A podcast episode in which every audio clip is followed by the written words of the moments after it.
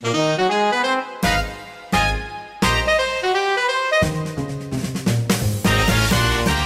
is Bonte Was Podcast. Het wasprogramma tegen blinde vlekken in de media. Uw gids in mediamissers en opstekers.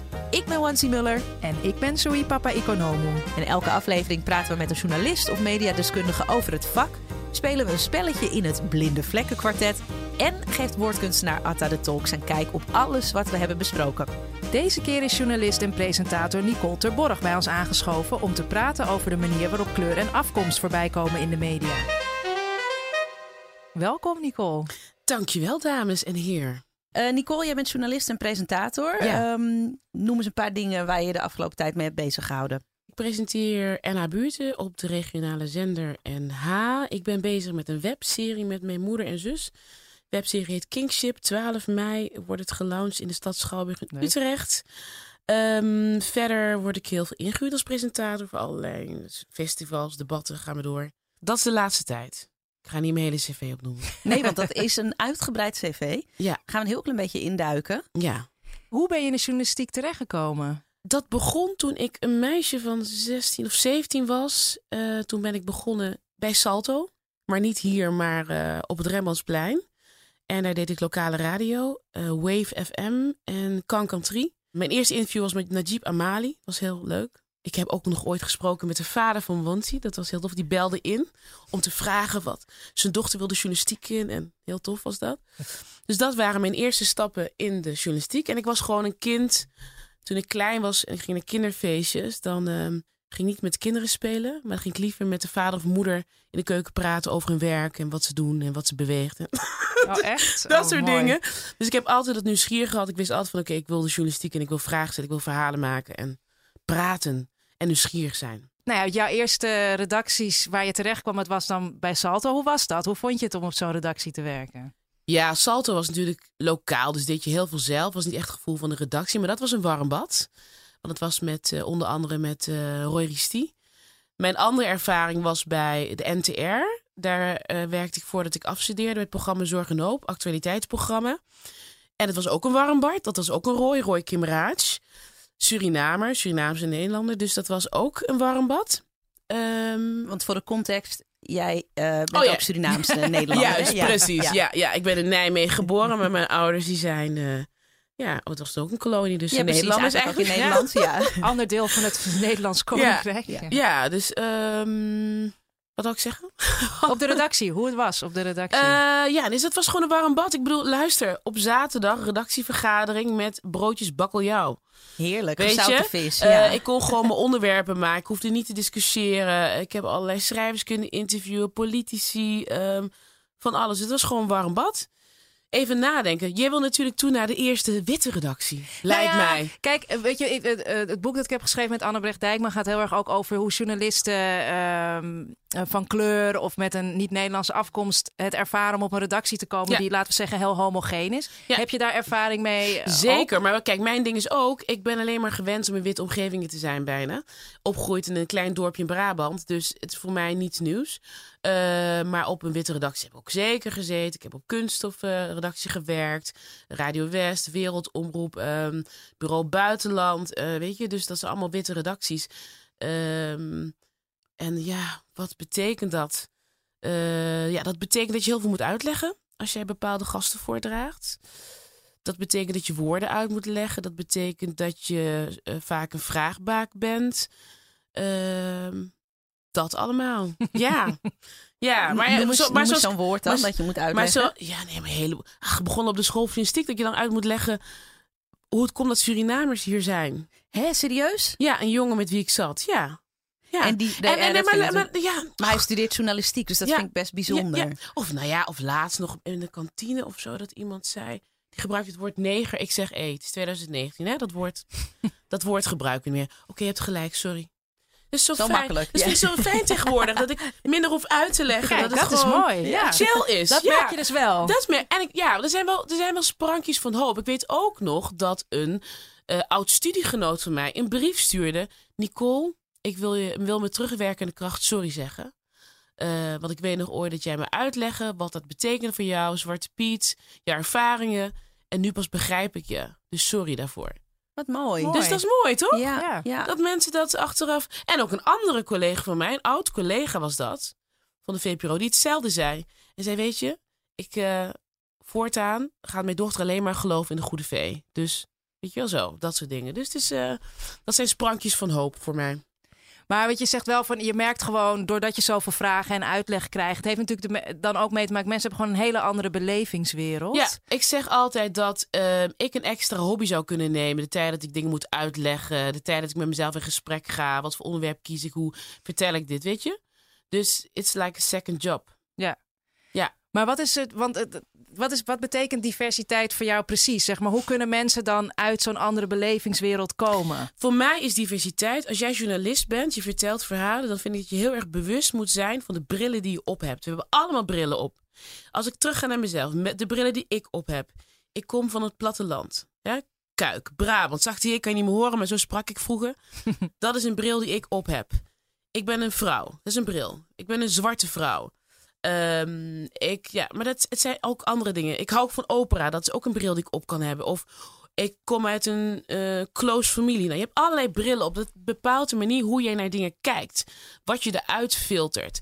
En als jij als journalist een verhaal vertelt, moet je je bewust zijn van de brillen die je op hebt. Dat heeft ook invloed op hoe jij, wie jij kiest, wie je gaat bellen, de woorden die je gebruikt. Ehm, en daar moet je je bewust van zijn. We hebben allemaal, alle, we zitten hier met z'n vieren, we hebben allemaal vooroordelen.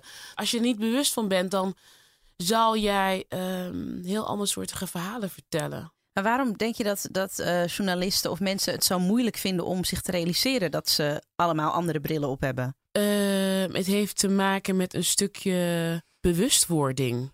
Als jij lekker vrij door het leven gaat en alles gaat goed en je bent je niet bewust van de ongelijkheid in een samenleving, je hebt dat nog nooit meegemaakt, ja, dan ga je ook niet denken van hé, hey, welke bril heb ik op en wat, wat betekent dat voor bepaalde groepen in de samenleving.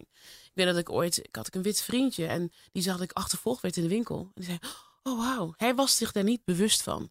Betekent dat, dan- dat, dat het altijd de verantwoordelijkheid is van degene die het meemaakt om andere mensen uit te leggen dat dat. Ik vind dat als jij journalist bent en je bent een verhalenverteller, jij hebt, jij hebt een belangrijke taak. Jij neemt informatie tot je en je vertaalt dat. Dan heb jij een verantwoordelijkheid om te bewust te zijn, net als hoor en wederhoor.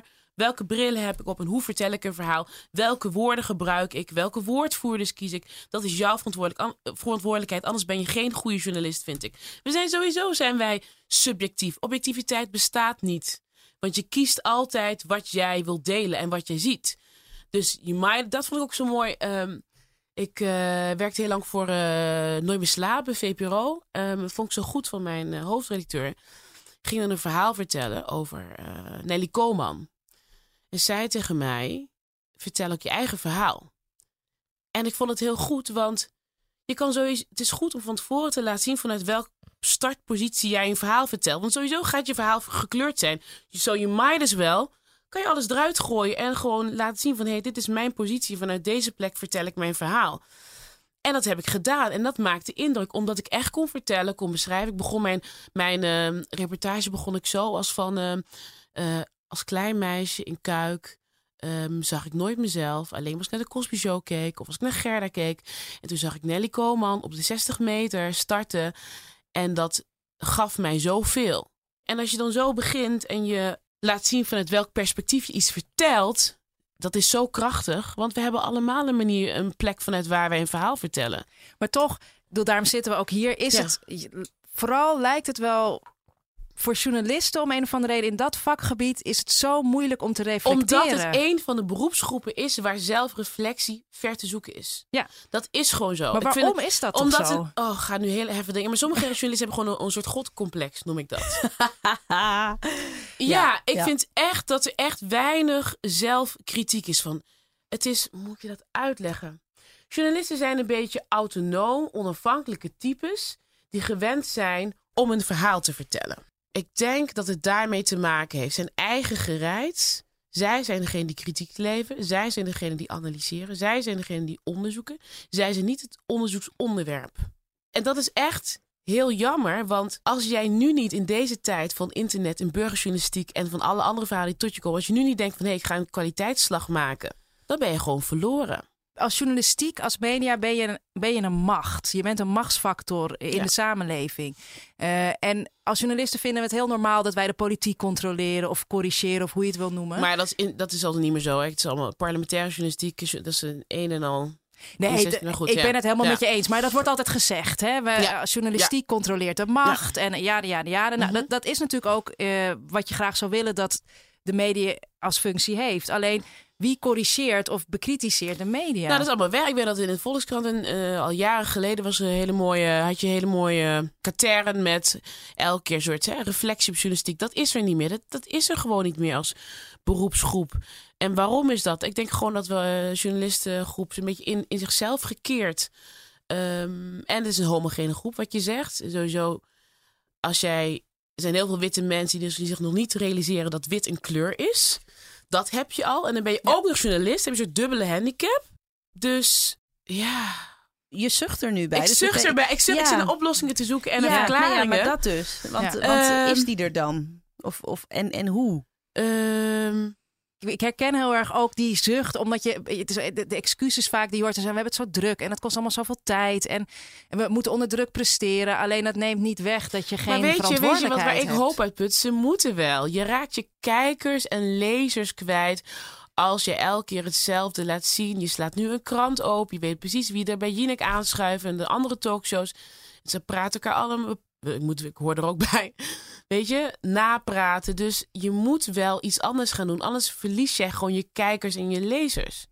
Ja, maar doen ze het dan niet om de verkeerde reden?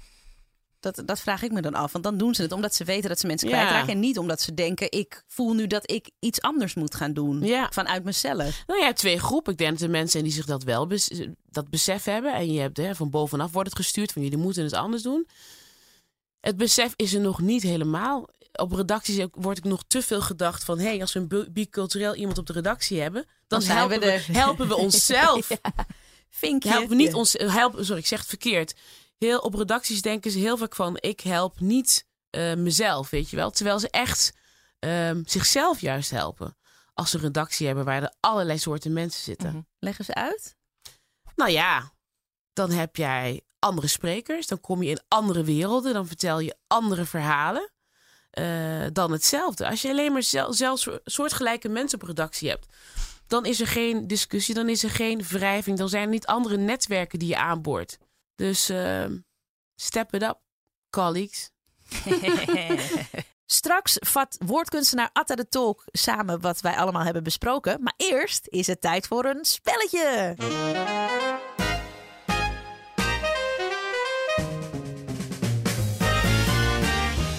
Het blinde vlekken kwartet.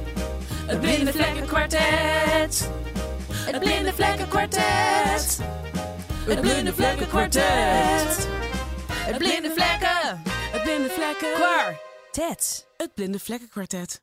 Ja, van othering tot framing en van goed gedaan tot twijfelgeval. In het Blinde Vlekkenkwartet zijn we samen met onze gast op zoek naar voorbeelden hiervan. En zoals bij elk spelletje zijn er prijzen. We geven een fles wasmiddel weg aan het programma of medium dat nog wel wat blinde vlekken heeft weg te wassen. En een even bonte was podcast t-shirt voor een medium of programma dat lekker bezig is. Eh Ja. zou ik van jou in de categorie blinde vlekken mogen framing? Framing. Een overtuigingstechniek om bepaalde informatie sterker naar voren te halen en andere informatie juist achterwege te laten. Ik heb wel een mooi voorbeeld. Ik ben haar eh, laatst tegengekomen op een event en ik heb er een enorm dikke braza, en dat is een Surinaams woord voor omhelzing, gegeven. Eh Gili Emanuels, dat is eh, de dame die door het OM vervolgd dreigde te worden wegens vermeende mishandeling van jongens die haar maandenlang hadden getreiterd in de ijssalon die ze had. In Eh, Hilversum. ja, in Hilversum. De Gooi en Eemlander die heeft daar heel veel over geschreven, uiteraard. Eh, Dat is een, een regionale krant. En eh, ik viel een beetje over de koppen in, eh, in eh, de artikelen. Ehm, bijvoorbeeld, uh, Marechaussee ontsloeg Hilversummer die worstelde met ijsverkoopster.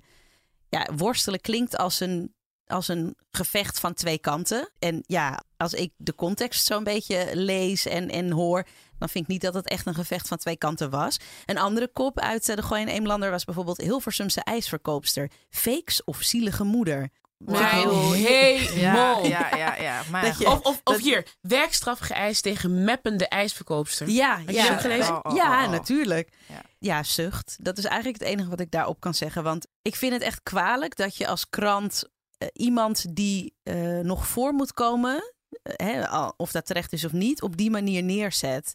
Er waren ook koppen overigens waarin ze Surinaamse ijsverkoopster Ja, het is werd niet. Surinaams, het is Nederlands. Snap je? Dus, Precies. dus daar gaan we ook alweer. En dan snap ik nog dat ze misschien in de context van ze werd gediscrimineerd hebben gedacht, we moeten er afkomst benoemen. Het woord racisme mis ik ook overal. Ja. Ja, ja, de enige die Echt, wel dus echt... bij Jinek zit, zit ze aan tafel en dan van ja, maar hoe kan dat nou dat ze anders behandeld is? Wat is dat nou? Het lijkt de elephant in the room.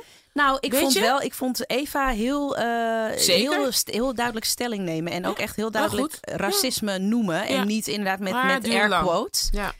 Nou ja, dat, dat was eh, mijn voorbeeld. lijkt de goeie. lander. Eh, Nicole, heb jij in de categorie blinde vlekken terminologie voor mij? Terminologie. Woordgebruik. Weet je waar ik me dus, als het gaat om blinde vlekken, waar ik me dus echt aan erger, is Netflix. En ik hou van Netflix. Mm. On-demand naar series kijken. En constant zie je gewoon het woord blank. Mhm. Niet wit of zwart, maar blank. Of neger. Ja. Vreselijk. Zelfs het woord nigger wordt. Ja, en, nou ja, of ehm, soms als gast. Het is echt. Ja. Het is echt. En ik weet dat ook wel mensen hebben gemaild en getwitterd, maar het heeft dus niets uitgemaakt. Zelfs ehm Dear White People, hè, dat documentaire, wat, wat gaat dan over white privilege, over racisme. Daar gebruikt ze het woord blank in. En ik word daar zo naar van. Oh, maar trouwens niet alleen maar. Mag ik het alleen over Netflix hebben? Nee hoor, andere- nee hoor. Nee, nee, ik uit. bedoel, ik zat laatst, eh zat ook naar Jinek te kijken was. En er zat Ali B, had het ook over blank. Ajuet, die was presentator van Caro NCV, sorry, collega van jou. Die zat Oud bij, collega. Ja. zat bij RTL Late Night, gebruikte ook het woord blank. Oh, decoloniseren heeft dus niets met kleur te maken, lieve mensen. Maar dat, er zijn heel veel mensen die, eh, die Ja, wat eh, kunnen leren daarover. En moeten we het even uitleggen? Ja, misschien? daarom. Want ik denk dat er heel veel mensen zijn die zeggen... ja, nou, blank is toch gewoon, is Kijk, toch gewoon mijn blank is, ehm, heeft een positieve connotatie. Daar denken we bij aan goed en aan rein. Echt koloniale tijd komt die term uit. En dan hebben we zwart. Denk maar aan hè, hekserij en zo. Heeft een hele negatieve bijsmaak. Dus je moet termen gebruiken. Woorden zijn heel belangrijk. Hoe noem je jezelf? Die gewoon tegen elkaar, eh, die gewoon in balans zijn. Klaar. Als je dit hoort en gebruikt het woord blank nog, schaf het af. Als je iemand hoort die het woord gebruikt, zeg het gewoon. Nee, ik snap ook nooit zo goed wat, ehm, wat nou zeg maar het gevoel erachter is waarom mensen daar zo per se aan willen vasthouden. Om, dat heeft ermee te maken dat niet alle Nederlanders mogen bepalen ah, ja. welke woorden er gebruikt worden. Ja. Er zijn Nederlanders die mogen bepalen welke woorden we gebruiken, hoe we bepaalde feesten vieren. Maar er is ook een groep Nederlanders die dat niet mag bepalen. Ja, wat je ook Het heel heeft met macht is te maken, en macht met en, onmacht. politiek correct. Dan- Dat hoor je ook heel vaak. Dat is ook toen op een gegeven moment de NOS besloot om geen blank meer te gebruiken, maar wit. Ja. Oh, oh de, de wereld was te klein, weet je wel. Oh, het Maar het heeft er allemaal mee te maken dat er heel veel mensen in Nederland leven die eh, hebben het straatbeeld zien veranderen. Hun supermarkt heeft andere middelen. Kijk, naar het straatbeeld is veranderd. En dan willen ze ook nog de taal aanpakken. Jeetje, mineetje. En het heeft allemaal mee te maken dat mensen zich niet beseffen dat 400 jaar koloniale geschiedenis nog invloed heeft op hoe wij naar onszelf kijken, naar elkaar en de woorden die wij gebruiken. En dat besef is er niet, weet je? Maar wat wil je met het onderwijs wat we hebben in Nederland, waar er gewoon geen aandacht wordt besteed aan onze gedeelde geschiedenis? Ja, we gaan diep, Ja. hè? Ik ga Ja, ja, ja, Nee, ja, nee, nee. nee. d- d- Dit is een, mooie geschiedenisles. Laten, ja, laten we ook eh, verder gaan met het spelletje. Ja. Ehm, even kijken, mag ik een vraag stellen? Of is het Ja, dat, nee hoor, kwartetten doe je met z'n allen. Ja, oké. Heb jij, eh zo is ook wel van jou willen weten. Heb jij een positief voorbeeld in de categorie terminologie? Terminologie. Woordgebruik. Eh, nou, weet je, een van die dingen eh, waar we het net ook over hadden als we het over wit en blank hebben en dat gewoon niet willen reflecteren, niet eh, willen nadenken over wat er in jouw eigen manier van spreken of in jouw eigen geschiedenis zit, wat misschien niet altijd even schoon is. Ehm, vind ik het heel mooi dat One World heel duidelijk een soort eh, ehm, neemt heel duidelijk positie in en zegt: wij gaan naar ons eigen taalbeleid kijken. Wat, heel erg, eh, wat ik wel heel erg grappig vond toen zij daar een artikel over publiceerde, werd het heel erg opgevat meteen als zij willen ons vertellen wat we moeten doen. Maar eh, zoals hoofdredacteur Sarah Noorhuizen later ook meerdere malen heeft moeten uitleggen, nee, wij gaan naar ons eigen taalgebruik van One World kijken. Kijk, Dat is die zelfreflectie weer die ontbreekt. Ja. Precies. En dat vind ik, daarom vind ik dit een heel erg mooi voorbeeld. Is omdat het laat zien dat je altijd als medium, wat jij eerder ook zei, Nicole, je moet heel kritisch zijn naar jezelf en als medium naar wat je, waar je bericht over geeft. Je bent een machtsfactor. Je hebt die verantwoordelijkheid om heel kritisch ook naar jezelf te kijken. En daarom vind ik dit een hele mooie actie. En ik hoop dus dat. Um, dat heel veel media dat gaan volgen. En dan hoeven ze niet te doen wat One World doet, want daar gaat het dus niet om. Bedoel, mag een, kan een mooi voorbeeld zijn, het kan inspirerend zijn.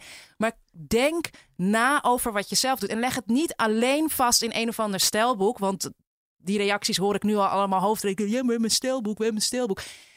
Pas het toe, dat Ja. Maar Pas kijk, dan toe. consequent ook. Wees consequent. ja. Train je eindredacteuren Want daar daarin, erger ik weet me je wel. vooral aan. Dat je dan de ene keer toch weer wit eh, ziet en dan weer blank. denk ik, ja jongens, kom op nou. Er is nog zoveel wat wij moeten bevechten. Ehm, maar wat ik wel zie, ben ik wel benieuwd naar jullie mening. We hebben in de journalistiek altijd soort issues, hè? Bijvoorbeeld een tijdje was zinloos geweld iets waar... eh, vroeger werd iemand op straat ook in elkaar geslagen.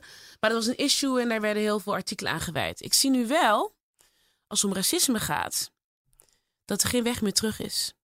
Dat de aap uit de mouw is. En of ze willen of niet, het is toch een van die issues waar ook over bericht wordt. Niet altijd goed, maar er is geen weg meer terug. We praten erover. Ja. Weet je, de, de, de Ja. vuile was, om Ja. even in het programma te blijven. Heel goed. hangen, we, hangen we nu buiten. Dus ik, er is geen weg meer terug, weet je. Nee, dat is waar. Ehm, ik heb trouwens nog een twijfelgevalletje. Want ik vind het nog wel mooi om eventjes bij die terminologie te blijven. Ehm, ik zat te kijken naar een documentaire laatst op RTL Z. eh, Z-doc. Eh, en die documentaire heet Is liefde racistisch? Eh, Loretta Schrijver deed volgens mij de voice-over. En ze gebruikte heel consequent het woord wit. Oh, dat was zo fijn. Ik heb het ook gezien. Ja, ik, en ik, ik, ik was in mijn eentje, dus er was niemand om het mee te delen. Maar Ik was daar. Je ja, zat high-fivend bij de Ja. tv. Ja. Ik Go, ook. Dus had je het ook gezien? Nee, ik heb niet Oh, gezien. dat was nee, geweldig. nee. ik was was, geweldig. eh, ja, maar wat mijn twijfel is, is dat ik er ook heel vaak het woord ras hoorde zeggen. En dat, ik weet niet, dat voelde toch is niet een eh, helemaal sociaal lekker. construct natuurlijk. Ik gebruik het woord ras ook niet. Ik zeg liever etniciteit. En als je het gebruikt, moet je vertellen waar het vandaan komt. Maar er is nog heel veel taal wat we moeten ontleden en wat we anders Ja. moeten gebruiken. Ja, het ras wordt ook, eh, wordt ook heel snel gekoppeld aan kleur. En het gaat natuurlijk niet alleen Nee. over kleur. Nee. Dus dat is, maakt het ook weer zo ingewikkeld. Ja. Maar wat een verademing. Dat, maar het was, ja. oh, maar het was, het was, het is, je hebt een soort, je zit op de bank, zit je daar en denk je echt zo'n, Maar ik zou, ik, zou haar eigenlijk, ik zou het zo graag aan haar willen vragen. Weet je, wat is nou jouw, bereg- jouw beweegreden geweest? Heb je dit zelf besloten? Of Ja. heb jij gewoon die tekst opgelezen? Weet je, hoe kwam het uit je mond? Voelde het goed? Dat, daar ben ik zo benieuwd naar. Ja, hoe dat dan zit en wie heeft dat bedacht. En, Je zou zeggen vond- de maker. Maar De ma- misschien zij zelf wel. Dat weet je natuurlijk niet. Nou, het is een Britse documentaire. Ja. Maar de vertaling gaat om de vertaling. Die, Ja, die Britten ja. die zeggen dat niet. Dus het is echt. eh, vind het heel goed. Ik zie ook. Ik weet ook nog Bram Vermeulen. Die heeft de Sahara gemaakt. Mhm. Ehm, ik vond het zo geweldig dat hij dus ook wit en zwart gebruikte in die documentaire reeks hè, over de, de Sahara, over de migratie eh, daar. Eh, maar toen was hij uitgenodigd door De Wereld Draait Door. Toen liet ze een stukje zien uit de Sahara. En daar gebruikte ze weer blank en zwart. Dat was dan weer zo jammer. Nee, dat is exact mijn punt. Wees dan consequent. Ja, Toch? Maar de ene is niet de andere omroep, de ene persoon is niet de andere. Maar Ja. daarom, er moeten stijlboeken komen, er moeten gewoon regels komen. Ja. Ja, Dus, want dan weet eh, ik ook dat ik me er niet meer aan hoef te ergeren. Als ik weet dat Oh. jullie blank zeggen, oké, dan, heb, dan erger ik me één keer en dan is het daarna klaar. Want dan weet ik gewoon dat jullie het verkeerd doen, in mijn is zo ogen. vermoeiend. Ja, Ik ben zo benieuwd wat Netflix internationaal vindt. Om weer even bij dat voorbeeld terug te komen. Maar wat Netflix internationaal vindt van Netflix Nederland. Die dat dus consequent zo vertaalt. Want volgens Ja. mij Netflix internationaal is zich wel veel bewuster. Weet Nou, wij wel? moeten gewoon meer aan de bel trekken. Je weet Ja. wel dat er Twitterberichten zijn Ik denk geweest. dat wij maar iets moeten starten. wij moeten gewoon iets starten. En, Fles eh, wasmiddel misschien. Ja.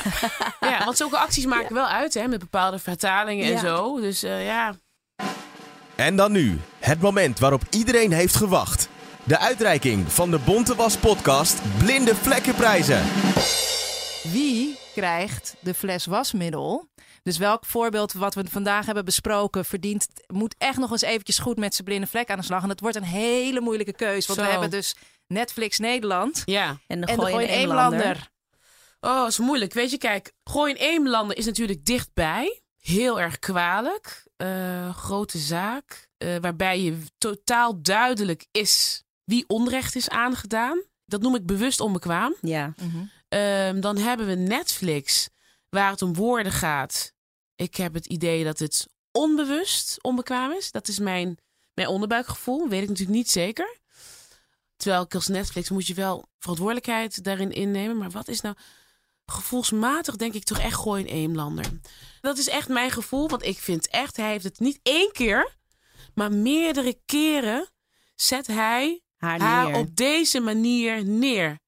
Consequent elke keer weer. Het is eigenlijk onmogelijk om te kiezen. Maar ik dan wel weer bij Netflix denk, daar kijken zo verschrikkelijk veel mensen naar. Ja. En die krijgen de hele Dat tijd dat vorige. Maar Maar kan je niet twee mensen iets... Sorry hoor, kan je niet... Voor, kan je moet niet het gewoon twee flessen? Ik vind twee Misschien moeten we twee flessen twee flessen uit. Twee flessen. Kijk, in Netflix is een instituut. En Ja. zo'n Gooi Eemlander... Ja, ik weet niet of het hele... Volgens mij is het één persoon die dat daar doet. En ik wil gewoon zien hoe hij dat t-shirt uitpakt. Nou, is wasmiddel? Was, oh, sorry. ja. Wasmiddel. Oh ja, precies. dat ja. prachtige t-shirt. Is, is niet voor hem. Nee, niet voor hem. Sorry. Dat gaan we naar iets leuks opsturen. Het Nee. effe t-shirt. eh, Bij deze ja. is het besloten. We gaan twee. We hadden nog één fles wasmiddel over, zeg maar, voor de zekerheid. Nou, die gaan we nu gewoon weggeven. Er gaan eh, twee flessen wasmiddelen de deur uit. Eh, dan hebben we nog een t-shirt. Wat we graag willen aanbieden aan een me- mediumprogramma. Wat eh, het goed doet of iets moois heeft gedaan. En waarvan we hopen dat ze hem dus ook schoon houden en vlekkenloos. Dan hebben wij eh, de documentaire over liefde racistisch. Is niet racistisch? Is ja? liefde racistisch. En het taalbeleid van One World. Ja, ik vind One World. Ze steken gewoon hun nek uit. Niet alleen maar het taalgebruik, maar ook de verhalen die zij wel vertellen. Ja, dat is echt een ver- verademing. Want eh, waar ik nog een paar jaar geleden aan het zoeken was, waar is mijn medium? Waar kan ik mijn verhalen terugzien? En dat, dat evenwicht is een One World er. Dus eh, vind ik, maar goed. Ja, nee, spreek ik ga er helemaal. Maar ik, ik ben zo voor meer reflectie binnen de Ja. journalistiek. Ik wil zo graag dat journalisten en, en journalistieke media hun verantwoordelijkheid nemen in wat het effect is van wat ze doen. Ja. Dus ja, dit is voor mij een hele makkelijke keuze. Mag je nog een eervolle vermelding Ja, eh, zeer doen? zeker. Ja. Ehm, als het gaat om inclusiviteit, je hebt het programma Binnenste Buiten Ja. op eh, NCRV. Ja, absoluut. En wat ik zo goed vind, is dat ze daar dus experts hebben van allerlei etniciteiten, man, vrouw. En ik vind dat, zo hoort het. Ja. En, eh, en eh, nou ja, Loretta, eh, die heeft het woord wit hè, zonder moeite uit haar mond gekregen. Dus ik Zonder vind dat moeite, ja. Maar je weet niet weet je wat daar vooraf is gegaan natuurlijk. Ik wil weten wie het geschreven Ja. heeft. Ja, dan ja als, als journalisten gaan we daar dus induiken. Maar het t-shirt Ja. gaat naar One World, komt naar jullie toe. En ehm, eh, ja, ga zo door. Vooral hou het schoon. Atta de Talk, jij hebt aandachtig meegeluisterd. Misschien heb je als, je, als je goed luisterde wel gehoord dat hij druk aan het meeschrijven was en blaadjes omdraaide. Wat is jouw kijk op wat wij eh, met Nicole hebben besproken? Nou, dat ga ik je vertellen. In deze aflevering de spontane Nicole te Borg. We vroegen haar hoe ze de mediawereld verzorgt. Op zoveel plekken gewerkt, maar werkt altijd nog voor haarzelf. Een basisvrijheid is namelijk het halve werk. Als kind werd ze door haar nieuwsgierigheid alleen maar versterkt, omdat ze altijd al verschil van perspectief heeft gemerkt. Ze zoekt het waarom achter zaken. Daaromheen draaien bijna al haar dagtaken. Ooit koos ze voor religie en levensbeschouwing. Theoretisch voelde ze zich leeg. Nu lijkt ze compleet, journalist of een wandelende mediatheek. Een opgewekte vrouw met een uitgebreide cv, debatten, festivals, radio en tv. Praten is haar leven. Dus ze maakte een salto, kwam terecht in een warm bad. Heerlijk warm en comfortabel. Het voelde alsof ze thuis was. Een ontspannen werksfeer. Wat een verademing. Tuurlijk heb je het fijn, door bakkeljauw bij de vergadering. Ze merkt dat ze minder hoeft uit te leggen. Steeds meer weet men wat je wel en niet kan zeggen. Voor een nieuw beeld is zij voor ex-collega's ook een muze. Achteraf wordt ze oprecht bedankt en soms krijgt ze zelfs excuses.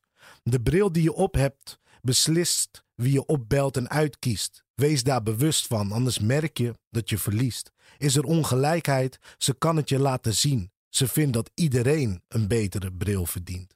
Zelfreflectie is ver te zoeken bij een godcomplex. Dit zijn zaken die Nicole onderweg toch ontdekt. Ze wijst collega's erop. Dat maakt haar niet collegiaal. Ze haalt hoop uit het nieuwere, moderne kijkersverhaal. Ze beseft, het besef is er nog niet helemaal. Die uitdaging verbetert ons allemaal. De elephant in the room, die ziet ze overal. Racisme benoemen gebeurt te weinig. Gaan we door een diep dal? We wachten vol enthousiasme op de pieken. Maar zelfs de ondertiteling kan een geweldige serie verzieken. Zwart-wit beelden. We zoeken naar een balans. Geen blank, maar wit. Hierbij de laatste kans. Woordenboeken worden constant aangepast. Niemand die zich erover opwindt. De brutaliteit. Ze is benieuwd waarom men er last van ondervindt. Ze zegt ras. Is het echt niet? Ze kiest voor etniciteit. We creëren namelijk een nieuwe werkelijkheid. Bewust onbekwaam en onbewust te vlug gedaan. De gooi in Eemlander wordt door haar bij de bonte was gedaan. Netflix, besef is wat taal en beeld voor de rest is. Dear white people, het lijkt alsof er geen respect is. One love for one world, dit is hoe het hoort. En daarmee hebben ze wederom punten gescoord. Ze haalt de hele mediawereld binnenste buiten. Schept een nieuwe wereld waar we niemand meer uitsluiten. Mag ik applaudisseren? Jazeker. Ja. Wat ben jij geweldig. En ik ben echt een vrouw van woorden. Dus ik vind het echt super. Petje af. Dankjewel. Nice. Dankjewel, Atta. Nicole, we hebben net eh, natuurlijk uitgebreid gesproken over alles wat er niet goed ging en, en waar jij ook verbetering ziet. Maar als je nou kort twee of drie tips zou moeten geven om eh, journalisten met dit thema op weg te helpen, wat zouden die zijn? Ja, ten eerste weet wat je waard bent. Weet wat jij voor rijkdom bent, ook al ben je als stagiair. Maakt allemaal niet uit. Wat voor rijkdom jij brengt op een redactie met de manier hoe jij naar de wereld kijkt. Netwerken die jij hebt en de kracht die jij hebt. Geloof in je eigen kracht. Dat wil ik ze meegeven. Ik wil ze meegeven om zich te omringen met mensen eh, die ze kunnen steunen. Dus als je een moment hebt dat het niet lekker is op redactie, zorg ervoor dat jij mensen in jouw vakgebied hebt die je op kan bellen. Weet je, voor selfcare, om te kunnen ventileren. Eh, choose your battles. Niet elke dag heb je zin om dingen uit te leggen. Laat het even van je afglijden. Je bent niet hun therapeut. Je bent niet hun leraar. Dus kies wanneer jij het gevecht aangaat. Ehm, even nadenken. Zorg gewoon, dat heb ik voor mijn moeder. Zorg ervoor dat je zo goed bent dat ze niet om je heen kunnen. En Ja. de mensen die eh, de blinde vlekken hebben, heb je daar misschien ook nog tips voor? Lees het boek Roofstaat. Lees het boek Hallo Witte Mensen. Verdiep je in de gedeelde geschiedenis. En in plaats van een mening te hebben, vraag aan jouw collega van kleur: hoe gaat het met je? Wat maak jij mee? En luister een keer in plaats van te praten. Dit was Bonte Was Podcast met Nicole Terborg. Deze podcast is mede mogelijk gemaakt door Nieuw Wij en ook speciale dank aan Marcel's Green Soap. Heb je ook voorbeelden van blinde vlekken in de media? Of wil je meer weten over Bonte Was Podcast? Ga dan naar www.nieuwwij.nl.